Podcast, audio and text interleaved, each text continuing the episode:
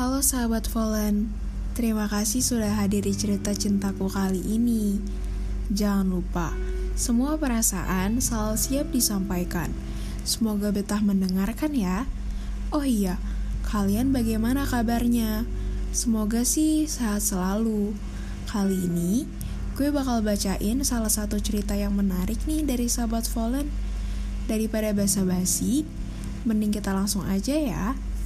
Pernah ngelepas orang tapi sebenarnya masih sayang? Gue pernah. Ngelepas dia karena ngerasa diri gue gak pantas. Punya masalah sendiri-sendiri yang di mana harusnya kita saling support, tapi kita milih buat mendem sendirian. Mungkin salah gue juga yang lebih ngurusin masalah gue sendiri. Pusing mikirin segala macem, sampai bikin dia jadi bukan prioritas lagi. Mau cerita ke dia, tapi tahu dia juga lagi ada masalah. Gak mau buat dia nambah pikiran. Di situ mungkin dia butuh support, tapi gue nya gak ada kabar karena pengen fokus ngurus masalah gue. Gue tahu sikap gue salah, gak ada pas dibutuhin. Gak bisa support dia karena gue juga butuh banget disupport. Ya akhirnya gue mikir buat ngudahin aja. Dengan kayak gini, dia bisa dapet yang lebih baik yang bisa tiap ada buat dia. Selalu ada pas dia butuh. Dan biar gue juga gak nambah bersalah karena sikap gue yang pasti nyakitin dia banget. Gue pas itu yakinin kalau itu keputusan terbaik. Jangan sampai nyesel berkali-kali. Gue on malam cuma balas chat dia yang udah berjam-jam lalu. Dia cuma balas dengan senyuman. Gue tahu dia pasti sakit. Terus gue nambahin nyakitin lagi dengan bilang pegat ke dia. Dia nanya, kenapa minta pegat? Terus gue jawab, kita udah sama-sama berubah. Gak bilang alasan yang sebenarnya. Dia nerima-nerima aja, tapi gue gak tahu kan perasaan aslinya. Kita sebelumnya juga pernah pacaran, tapi cuma berjalan 4 bulanan. Awal kenal itu karena kita sekelas. Waktu awal masuk, dia latihan futsal, kakinya cedera sampai sebulan. Terus, dia sering nanya tugas ke gue. Gak tau kenapa nanya ke gue. Padahal kita belum akrab, dan dia juga punya temen yang lebih akrab sama dia. Terus, pas dia nanya tugas, lama-kelamaan jadi diselingi sama ngobrol santai gitu. Gak tahu niatnya cuma baperin atau gimana. Tapi intinya gue baper. Namanya cewek ya, apalagi kalau udah dikasih perhatian lebih. Terus, gue juga pernah teman-teman sekelas jenguk dia. Nah pas kita ditanya nama sama mamanya, giliran gue, mamanya langsung, oh ini ya yang sering diceritain anak tante. Ngerasa kayak, kok gue sampai diceritain ke mamanya. Jarang kan kalau cowok cerita hal sepele ke mamanya.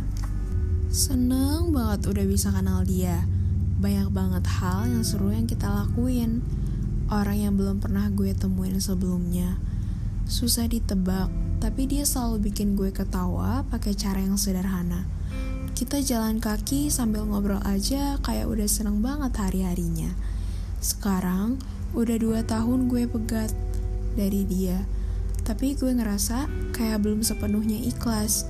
Setelah putus, gue pernah beberapa kali pacaran, tapi gak bertahan lama Gue niatnya juga biar bisa lupa sama dia, alias mas mantan 2 tahun lalu.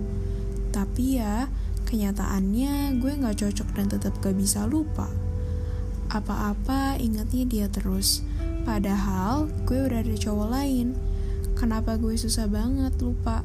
Mungkin karena pegatnya bukan karena benar-benar udah gak sayang, tapi karena keadaan aja. Terus, dia satu-satunya orang yang ada pas gue bener-bener down banget.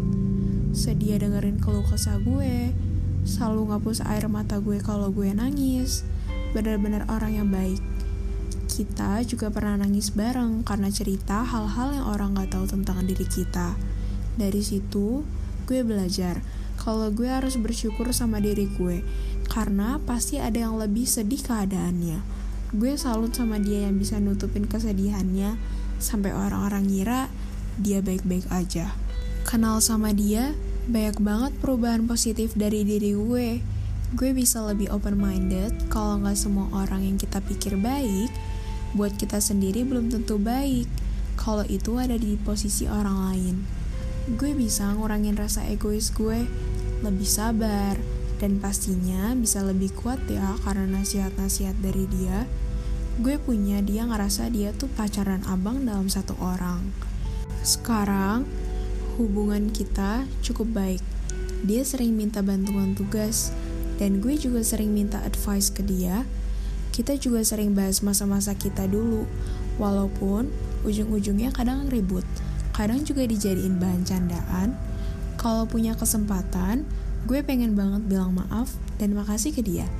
Maaf, kalau misalnya dulu sikap gue bikin lo sakit, orang gak sesuai apa yang lo mau. Makasih, karena udah biarin gue kenal sama lo. Sikapnya belin tapi sering bikin ketawa. Siap ngasih pelukan pas gue down. Rela pasang kuping cuma buat dengerin gue ngeluh. Bela-belain jemput gue Padahal lu juga lagi capek-capeknya. Makasih udah banyak pengaruh positif di hidup gue. Thanks buat semuanya yang udah lu lakuin. Mungkin kalau gue bisa bilang ke dia kayak gitu, gue bisa bener-bener ikhlas. Seenggaknya dia tahu gimana perasaan gue. Sekarang kalau misalnya dia udah sama yang lain juga nggak apa-apa. Gue ikut senang. Artinya wish gue buat dia udah terwujud tinggal dari gue nya aja yang ngilangin perasaan gue buat dia. Ternyata ceritanya asik juga ya. Hmm, sahabat Valen pernah gak sih ngerasain yang kayak gini? Pasti rasanya berat banget. Oh iya, gue punya tanggapan nih. Kalau kalian nih yang lagi denger ini, kalian kalau punya pacar harus saling terbuka ya. Saling membantu jika ada masalah. Bantu itu banyak caranya Semisal dengerin keluh kesah masalahnya. Hal-hal simple bisa ngerasa pasangan tuh ngerasa kalian ada saat dia butuh. Terus, kalau sudah nggak bisa disatuin, masih bisa temenan kok. Gak perlu musuhan juga. Intinya, ikhlasin itu hal penting. Tapi berat ya buat dilaksanain. Sedih itu pasti, tapi siklusnya sama. Ada datang, pasti ada pergi. So, semangat ya. Oke, sepertinya sampai sini dulu. Terima kasih sudah kuat sampai saat ini. Entah kuat karena doi yang gak peka, atau kuat karena harap yang tak nyata. Untuk kalian yang sudah berbagi cerita, terima kasih banyak. Kamu kuat, kamu berharga, kamu hebat. See you next on our next episode.